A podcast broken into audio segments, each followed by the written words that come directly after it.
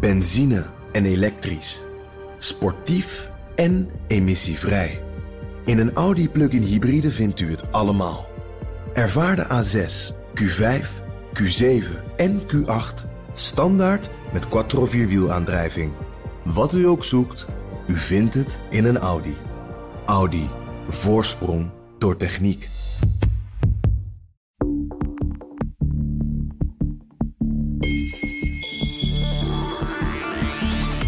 Is afgelopen zomer al begonnen met het vaccineren van de eigen bevolking tegen het coronavirus.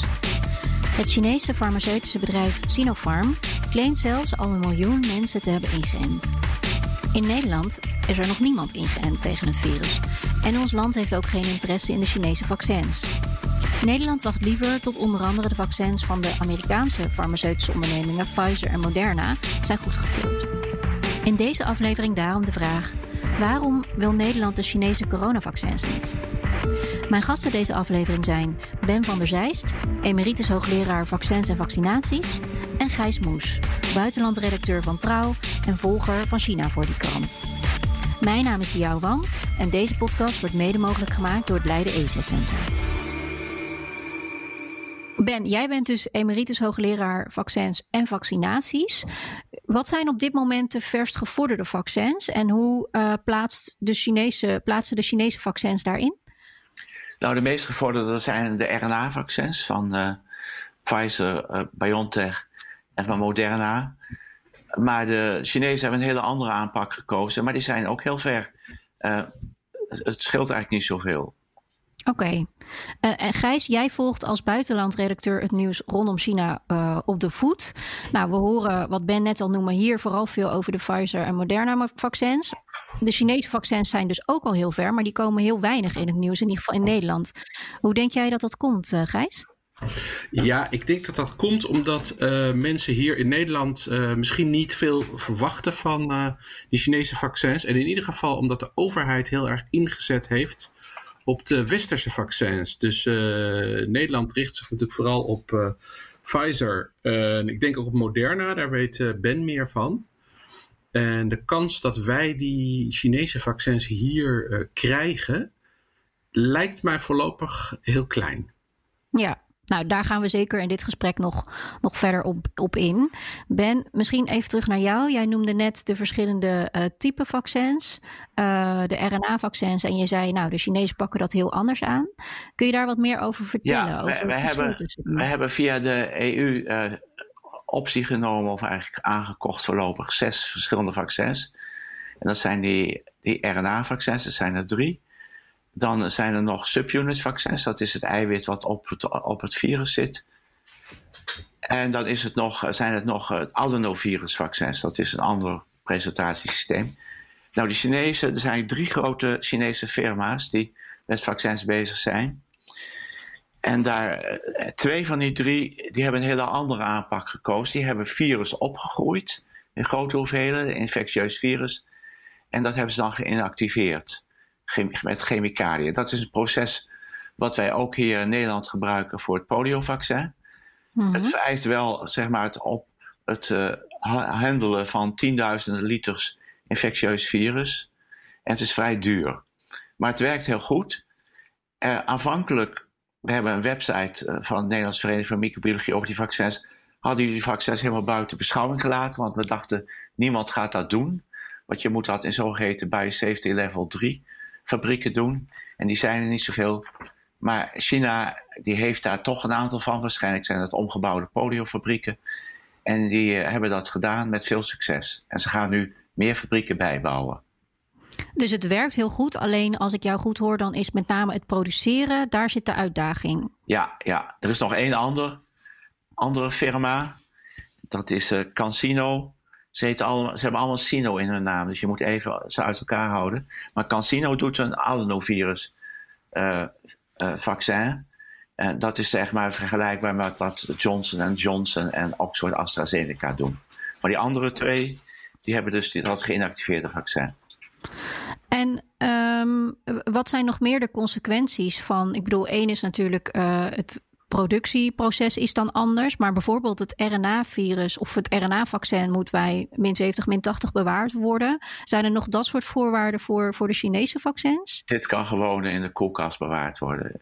Ik heb niet de precieze gegevens, maar dit is makkelijk uh, lange tijd uh, te bewaren. Ja. Oké, dus als ik de verschillen even samenvat, dan uh, zijn ze, ze werken net zo goed. Ze zijn makkelijker te bewaren, maar ze zijn moeilijker te produceren. Dat is het grote nadeel dan. En daardoor ook iets duurder, ja.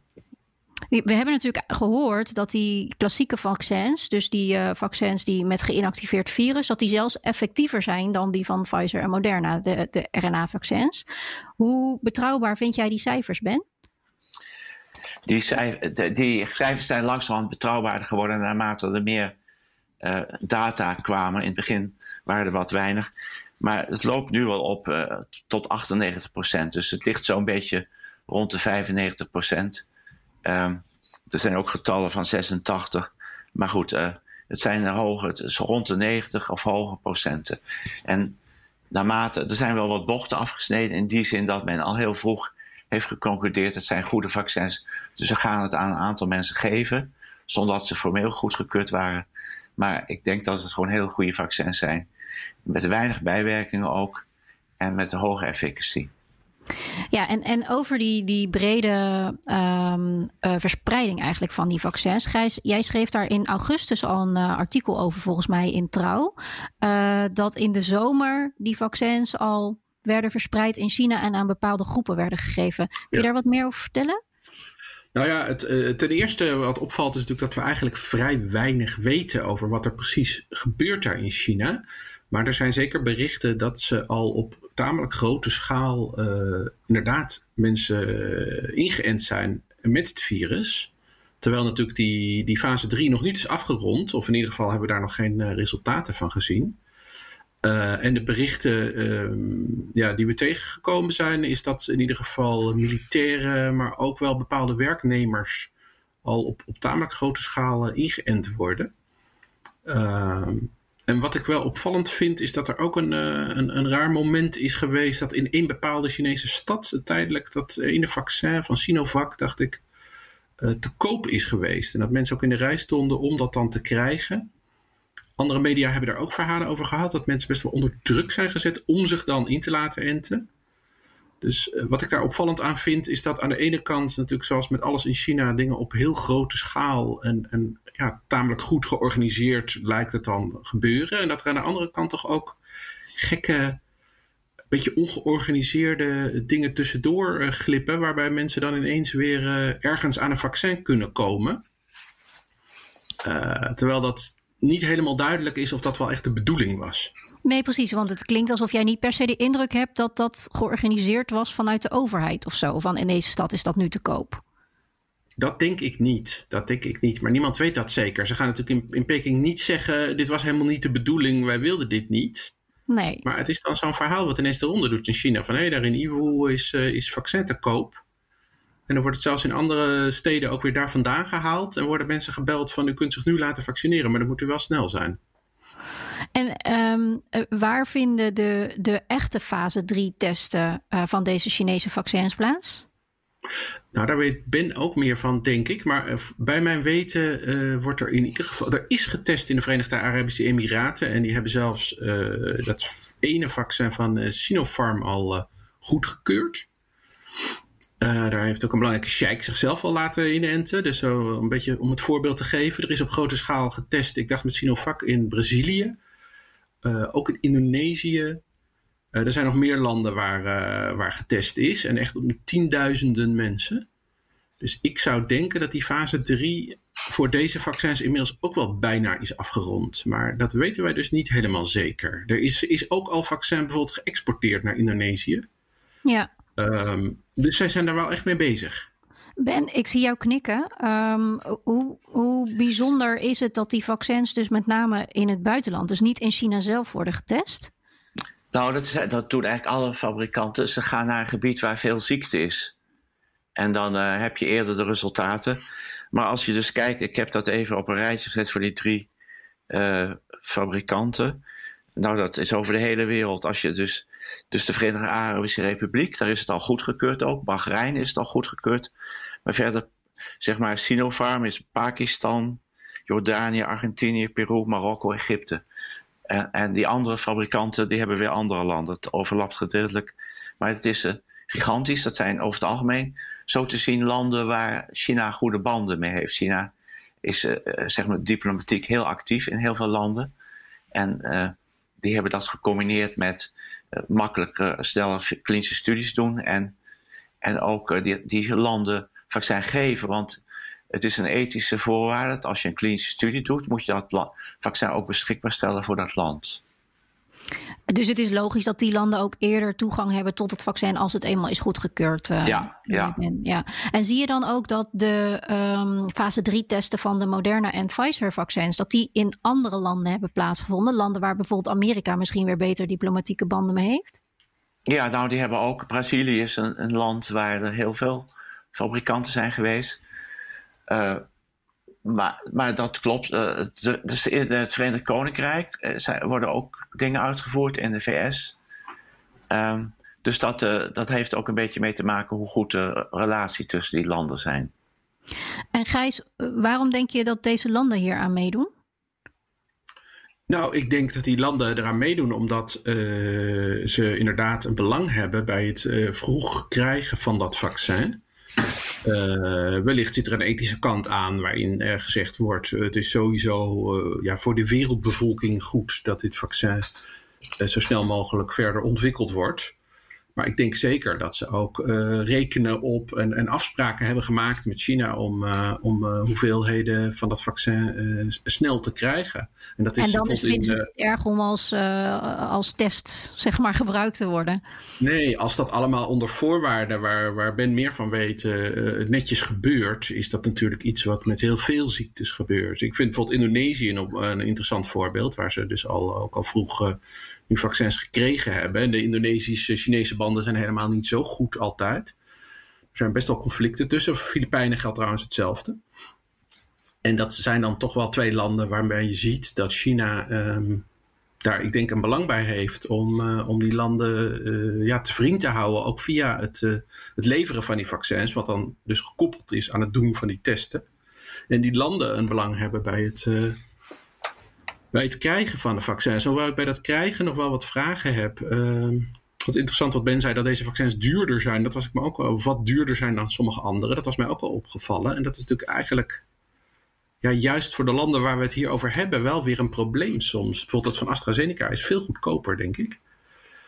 Um, dus ik weet ook niet goed in hoeverre die ja, landen als Indonesië, Brazilië, Zuid-Afrika misschien op de lange duur um, het beste af zijn met de Chinese vaccins. Ja, want denk je dat zij. Uh, hoe zou dat gaan? Hè? Hebben zij dan een keuze gemaakt? is, zijn dan al die vaccinproducenten zeg maar, naar Indonesië gegaan van mogen wij hier testen? En heeft Indonesië dan gezegd, nou wij kiezen dan voor het Chinese vaccin om van whatever reason? Of denk je dat China gewoon zegt, nou wij komen hier naartoe, wij maken deze deal en klaar is Kees? Hoe, hoe gaat zoiets? Ik, ik, denk dat daar wel een keuze in is gemaakt door autoriteiten. En je ziet bijvoorbeeld ook dat India zaken doet met uh, Rusland. Want uh, het zijn natuurlijk niet alleen westerse en Chinese vaccins, maar ook nog Ru Russische in de maak. Uh, die hebben van oudsher ook wel goede banden. En India is ook een hele grote producent van, van vaccins en allerlei medische middelen natuurlijk. Ehm, en het, ik vind het wel opvallend dat, dat bijvoorbeeld in India bij mijn weten geen zaken worden gedaan met China. Dus ik denk dat daar uh, soms zakelijke, maar ook vaak uh, politieke beslissingen wel uh, achter liggen. nou, en ik hoor jou dus ook een beetje zeggen: niet per se beslissingen gebaseerd op welk vaccin het meest geschikt is voor jouw land. Of wat het goedkoopst is, of dat soort dingen. Nou ja, ik vraag me af als je de prijzen ziet en de, en de productiecapaciteit. Ehm, of dat inderdaad voor de bevolking altijd de beste keuzes zijn geweest. Ja. Um, misschien nog even terug naar dat testproces. Hè. In Europa hebben we natuurlijk um, het EMA, dat allerlei protocollen heeft en goedkeuringen voor hoe je zoiets moet doen. Ben, heb jij enig zicht op hoe uh, China die fase 3 tests uitvoert volgens bepaalde protocollen of zoiets uh, in deze landen? China heeft zijn eigen Food and Drug Administration, of wat daarmee zeg maar ook een regulatoire agentschap. Uh, En die, die zijn nu op, op een goed niveau. In het begin uh, smokkelen we wel eens wat met GMP, Good Manufacturing Practice, dus de hele kwaliteitsschil eromheen.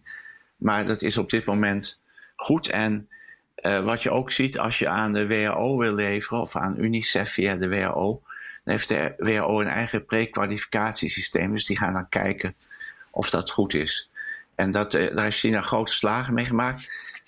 India, met name in het Serum Instituut van India, wat de grootste vaccinproducent van de wereld is, het aantal doses, uh, had dat al veel eerder gedaan. Maar dat, het is sterk een opkomst. En ik denk dat het uh, goede kwaliteit is, hoewel je toch steeds nog wel ziet. Ik, ik ben dan geen China-deskundige, maar dat er toch vaak nog wel men gaat voor geld en, en dat dat tot corruptie leidt in een aantal gevallen.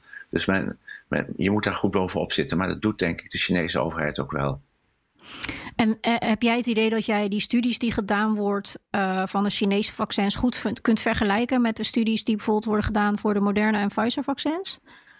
Ik kan ze, ja, nu uh, wreekte zich dat ik nooit Chinees heb geleerd. ik moet er dus altijd afgaan op iemand die dat voor mij verteerd heeft, hè? Ja. Een native speaker.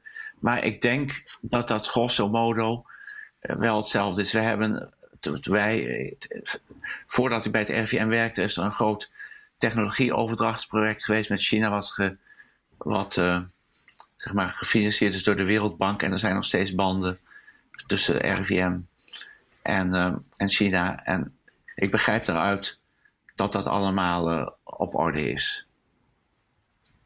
Dat vind ik toch opvallend, want uh, Gijs, als je een beetje naar de, het sentiment kijkt, ook in de media en zo. Nou, ik weet nog dat toen in, in de zomer kwam dat bericht inderdaad naar buiten, hè, dat er vaccins in China getest werden en zo. Daar werd toch wel een beetje sceptisch op gereageerd. Terwijl als ik Ben zo hoor, is daar wetenschappelijk niet per se reden toe. Dus, dus hoe denk je dat dat komt, Gijs? Waar denk je dat dat vandaan komt? Nou, ik denk dat daar twee kanten aan zitten. Um, ten eerste is er natuurlijk zeker wel reden om sceptisch of in ieder geval kritisch te zijn over uh, hoe de Chinese overheid omgaat met de eigen bevolking. Er zijn meer dan genoeg voorbeelden in de geschiedenis, maar ook nu nog, waarin je ziet dat uh, ja, het respect voor, laten we zeggen, het menselijk leven of voor um, de gezondheid van grote groepen mensen, ja, toch niet altijd is wat, wat, ja, wat we zouden hopen. Of, wat we graag zouden willen zien. Uh, simpel gezegd, uh, ja, Chinese autoriteiten gaan gewoon soms heel hard om met uh, ja, beslissingen die, die gevolgen kunnen hebben voor de, het leven of de gezondheid van, van individuele burgers.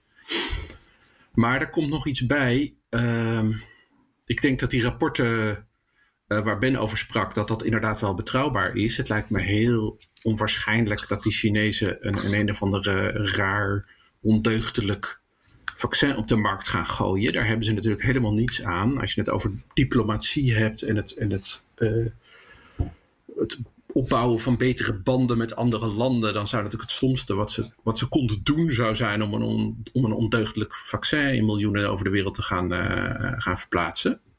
De Chinezen willen bij mijn weten, of dat denk ik ook wel graag, hun, hun imago wat opvijzelen. Wat misschien toch in het begin van de van de pandemie, van de uitbraken eh, geleden heeft. Onder het feit überhaupt dat het daar vandaan komt. Ook al kunnen ze daar misschien niks aan doen. Ja, en ze willen natuurlijk sowieso meer richting uh, high-tech en kwaliteit. Ja, en, en dus niet ik meer... denk dat dat wel betrouwbaar is. En ik, ja, je vroeg ernaar, ik wou nog even een, een, tweede antwoord geven. Ik denk dat er ook wel een onterecht, onterechte sceptisch in het Westen is. Over, ja, dat komt uit China. Dat moet een beetje tweede rangs technisch ondeugdelijke dingen zijn. Terwijl we natuurlijk allemaal vertrouwen op techniek die uit dat land vandaan komt. En het valt mij soms wel een beetje op dat, uh, dat er hier wel ja, een beetje achterdocht of, of wantrouwen bestaat tegenover van alles wat uit Oost-Azië komt. Dan gaat het niet eens alleen om China, maar bijvoorbeeld ook om de maatregelen in Korea, Japan, Taiwan, er zit toch soms, voor mijn gevoel, wel een beetje westers superioriteitsdenken achter. Dat wij denken dat we het hier beter weten. Terwijl dat natuurlijk in de hele coronapandemie tot nu toe ja, bepaald niet gebleken is. Is dat ook de reden, denk je, dat um, Nederland of nou ja, misschien eerste vraag. Heeft Nederland ooit serieus naar de Chinese vaccins gekeken als optie, denk je? Dat vraag ik me af. Ik weet daar niets van. Ik weet niet hoe de beslissing uh, van uh, de Nederlandse autoriteiten om uh, in te zetten op de vaccins die, die wij straks gaan krijgen, hoe die tot stand gekomen is.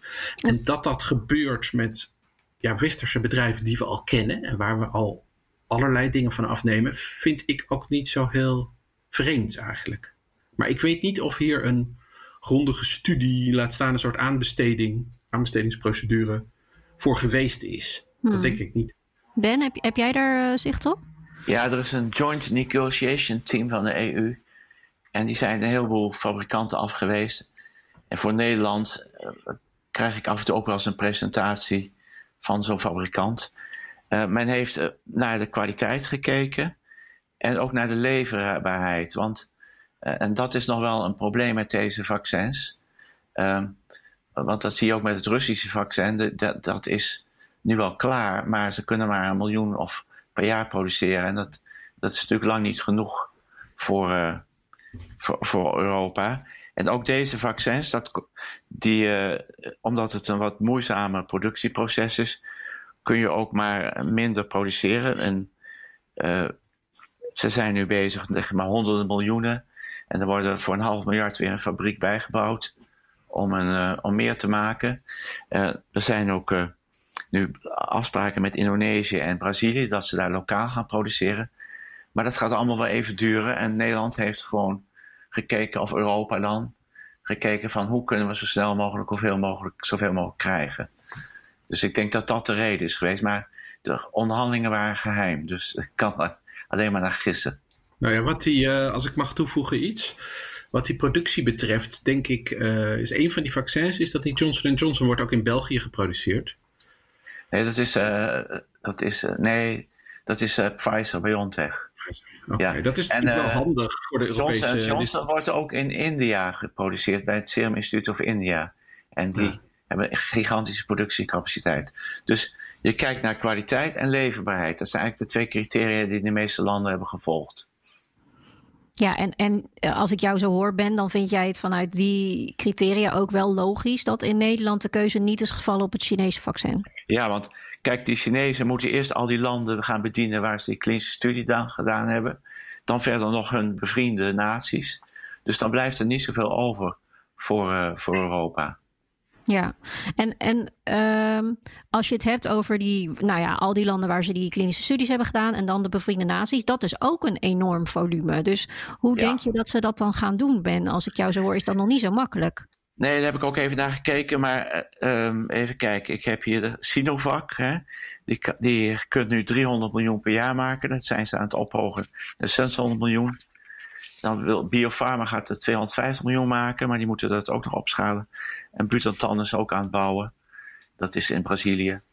Dat wordt een 100 miljoen. En Butantan wil dan weer omliggende landen weer gaan bevoorraden. Zo wordt het dus een soort netwerk waar dat vaccin wat ontwikkeld is in, uh, in China. En via een technologie die redelijk makkelijk overdraagbaar is, over de wereld verspreid kan worden. Maar dat gaat wel een tijdje duren. Ja, ja en, en president Xi heeft natuurlijk ook gezegd over dat vaccin: um, van het, het, is, het is voor de wereld. Hè? Het is niet alleen voor China, het is voor de wereld. Nou, doet hij ook heel erg zijn best voor. Ja. Uh, Gijs, wat, wat, verwacht jij daarvan, van die hele diplomatieke lijn eigenlijk daarin? Nou, ik denk dat hij daar wel een risico mee neemt. Hij heeft inderdaad een tijdje geleden al gezegd: het is een wereldwijd publiek goed. En je ziet ook in de Chinese media dat ze nogal, uh, zeker de meer nationalistische, zoals de Global Times, dat ze nogal uithalen naar de westerse, het westerse egoïsme en inhaligheid van die westerse bedrijven die gewoon alleen maar vaccins willen verkopen aan de hoogste bieder, die er het snelste bij is, terwijl de Chinezen uh, goed willen doen voor de hele wereld. Uh, daar trekken ze natuurlijk diplomatiek een vrij grote broek aan. En dat is ook wel begrijpelijk uh, waarom ze dat doen. Maar inderdaad, met de, de productiecapaciteit die Ben al noemde. En de kosten tot nu toe aan die Chinese vaccins. Ik heb geen idee of dat dan gaat dalen in de toekomst. Maar ik heb tot nu toe prijzen gezien van tientallen tot soms wel meer dan 100 euro per dosis. Uh, vraag ik me af hoe je daar honderden miljoenen mensen mee wil gaan, uh, inenten. Dus, Maar en moeten dan, die je had dat het ook... over de, je had het, sorry, je had het over de grote volume wat nodig is voor die landen waar getest is. Maar het eerste enorme volume wat nodig is, is natuurlijk de Chinese bevolking. En ook op sociale media zie je al wel uh, heel veel kritiek is daar natuurlijk meestal niet mogelijk in, in, in China, uh, op de eigen sociale media. Maar je ziet wel opmerkingen uh, na die deal met Indonesië. Van ja, mooi dat we een deal met Indonesië sluiten, maar moeten we niet eerst onze eigen burgers inenten? En dat, ja, daar zullen ze toch ook een miljard doses, ik, zeg maar wat, uh, tenminste, en als je het in twee keer moet toedienen, nog veel meer dus, nodig hebben. Om, om China veilig te maken. Want die hebben het nu toe heel goed gedaan met het indammen van het virus. Maar ja, op termijn zullen ze toch wel moeten inenten. En denk jij, Gijs, dat al die landen, dat die zeg maar de volle prijs betalen? Of dat daar ook, ja, weet ik veel, dat China dan zegt, nou, de diplomatiek is het zo belangrijk, dus jij krijgt het gratis of voor korting? Of hoe denk jij dat dat gaat? Xi heeft daar wel uitspraken over gedaan, maar niet heel gedetailleerd natuurlijk. Dus hij heeft aangekondigd dat er, ik dacht, een soort Chinees fonds van 2 miljard dollar of euro komt. Het zullen dollars geweest zijn, denk ik. Um, speciaal voor Afrikaanse landen. En dan, dus ja, zou China dat geld geven of lenen, ook dat is niet helemaal duidelijk, zodat die Afrikaanse landen daarmee uh, het vaccin kunnen kopen. En dan zou er ook nog een miljard komen voor andere landen, zoals bijvoorbeeld uh, Latijns-Amerika of andere delen van Zuidoost-Azië, die dan ook met dat geld het vaccin zouden kunnen kopen. En die Chinezen kunnen zich dat natuurlijk wel veroorloven. Uh, maar of, het, of dat allemaal uh, ja, snel geregeld zal zijn en um, voldoende zal zijn om de bevolking in die landen in te enten, dat, dat, dat zullen we moeten zien of dat gaat lukken. Uh, nog één ding wat de uh, Filipijnse president Duterte, die meestal niet bekend staat om zijn, om zijn subtiele taalgebruik, die heeft dus ook zaken gedaan met, met de Chinezen. En die, uh, ja, die had het ook over uh, die uh, Amerikanen die gewoon vooraf geld willen zien. Terwijl zijn Chinese vrienden vaccins zullen leveren. En dat er dan later eventueel nog wel over het geld gesproken zal worden. Wat dan deels ook geschonken of geleend wordt. Geleend wordt. Nou, en geld is natuurlijk één dimensie. Maar zitten daar dan andere voorwaarden aan? Zoals internationale steun op het politieke landschap of dat soort dingen? Je ziet natuurlijk dat China bijvoorbeeld binnen de Verenigde Naties vaak steun krijgt van veel landen als het gaat om het uh, ja, veroordelen van dingen die ze zelf doen. Of het nu gaat om Hongkong, of, om het, of het nu gaat om de behandeling van de, van de bevolking in Xinjiang. Of dat het nu gaat om Taiwan, wat geen toegang heeft tot allerlei uh, VN-organisaties zoals de WHO. Daar leunen ze natuurlijk eigenlijk op steun van, uh, ja, van heel veel vaak arme VN-landen. En die het leveren van die vaccins kan natuurlijk heel goed helpen daarbij om, uh, hm. om diplomatiek uh, ja, nog wat sterker te staan. Ben, hoe lang denk jij dat het gaat duren voordat uh, de Chinese bevolking en alle landen die, die zij nu hebben aangehaakt in hun onderhandelingen, om, om die allemaal te voorzien? Nou, dat kan wel twee jaar duren. Maar je hoeft natuurlijk niet iedereen te vaccineren om uh, je kunt met de meest kwetsbare groepen beginnen. Overigens, dat vaccin, ik denk dat het wel voor zo'n 5 tot 10 dollar per dosis te produceren is. Die prijzen, die Gijs noemde, dat waren zwarte marktprijzen. Hè? Dus dat, die liggen dan wat hoger. Maar ja, dat is toch wel veel. Je ziet het ook bij polio. Je hebt dat, dat geïnactiveerde vaccin. Dat kost dan evenveel als dit, zeg maar. 3 tot 10 of uh, dollar. En, uh, maar dan heb je ook nog het, het levend vaccin, dat suikerklontje, dat kost maar een paar centen. En, en dat, daar zijn prijzen waar die landen aan gewend zijn. En dit zijn dan toch voor die landen hoge prijzen. Maar goed, daar valt dus wel een mouw aan te passen. Overigens het Oxford AstraZeneca-vaccin, die prijzen zijn nu uitgelekt. Die, dat is beneden de, twin, de 2 uh, euro, geloof ik, 1,80. En dat is dan echt de, kostprijs. De kostprijs is uh, vaak veel lager dan de, ja. de, marktprijs, ja. En wat verwacht je van de RNA-vaccins van Moderna en Pfizer? Uh, die, uh, die zitten ook zo rond de 20 euro, uh, 15 tot 20. Ik denk dat dat is wel meer dan de kostprijs. Maar vergeleken met heel veel andere vaccins is dat voor westerse begrippen niet duur. Maar eh, voor die andere landen weer wel. En nou ja, dan heb je dus, dus dat koelprobleem, de, de cold chain. Wat natuurlijk een groot probleem is in, in, in landen waar het warm is en waar het allemaal niet zo goed georganiseerd is. Ja, dus voor hun is zo'n RNA-vaccin waarschijnlijk sowieso geen optie. Nou, komt er nog eentje van CureVac aan. Dat is nog een derde. En die zouden gewoon in de koelkast bewaard kunnen worden. Maar die lopen wat achter met de ontwikkeling ten opzichte van de andere twee. Ja. En um, we zien natuurlijk uh, dat veel geneesmiddelen ook op de Nederlandse markt deels in China of in India worden geproduceerd zonder dat we ons er druk over maken. Uh, zonder dat we dat bewust weten ook vaak. Ben, verwacht je dat ook van het coronavaccin? Dat dat uiteindelijk zal gaan verschuiven naar lage loonlanden en dan toch in China en India geproduceerd zal worden? Denk ik wel. Kijk, die, je ziet nu al dat, dat India dus een aantal zeer hoogstaande uh, fabrieken heeft wat kwaliteit betreft. En, en ook hoog volume, waardoor je dus zeg maar, goedkoper kunt produceren. Als China dus die ontwikkeling die er nu is, zich doorzet, uh, zullen ze ook op dat punt een, uh, een, wereldrol kunnen spelen. Wat nog wel moet gebeuren is dan dat de R&D, uh, die, die, die is nog grotendeels in handen zeg maar, van westerse landen, omdat die vaak geavanceerder zijn zeg maar in het ontwikkelingsproces, het begin van het ontwikkeling. Gijs, wat denk jij? Nu doen we natuurlijk allemaal heel moeilijk en willen we die Russische en Chinese vaccins niet. Maar is dat over drie jaar anders? Is dan stil, stilzwijgenderwijs alles uh, toch verschoven daarheen? Nou, ik hoop persoonlijk dat over drie jaar dat hele virus voor ons niet meer zo heel belangrijk meer is. En dat het een, uh, een, een, een ding is waar je misschien tegen gevaccineerd moet zijn. En waar hier en daar nog eens iemand een beetje ziek van wordt, maar dan is die behandeling hopelijk ook nog veel beter. Uh, en ik kan me heel goed voorstellen dat tegen die tijd uh, ja, mensen zich ook niet meer zo druk maken over waar dat vaccin dan precies uh, geproduceerd is. En inderdaad, zoals we nu allerlei middelen slikken die uit India komen, en misschien ook wel uit China soms, dat dan ook ja, eigenlijk normaal geworden is. Nou, dan voor jullie allebei nog um, samenvattend de vraag: waarom wil Nederland nu de Chinese coronavaccins niet? Ben, beginnen we even bij jou omdat er. Uh, het, nou, het is pas laat bekend geworden hoe goed ze zijn. En er is niet voldoende voorraad op korte termijn van. Gijs? Dat, uh, ik sluit me helemaal aan bij Ben. En ik denk dat toch ook politieke overwegingen, diplomatieke overwegingen misschien een rol kunnen spelen. En dat we ons hierin eigenlijk niet afhankelijk willen maken van China. En ergens toch meer, uh, meer vertrouwen hebben, zeker binnen de Europese samenwerking, om die uh, vaccins van westerse producenten af te nemen. Tot zover deze China-podcast.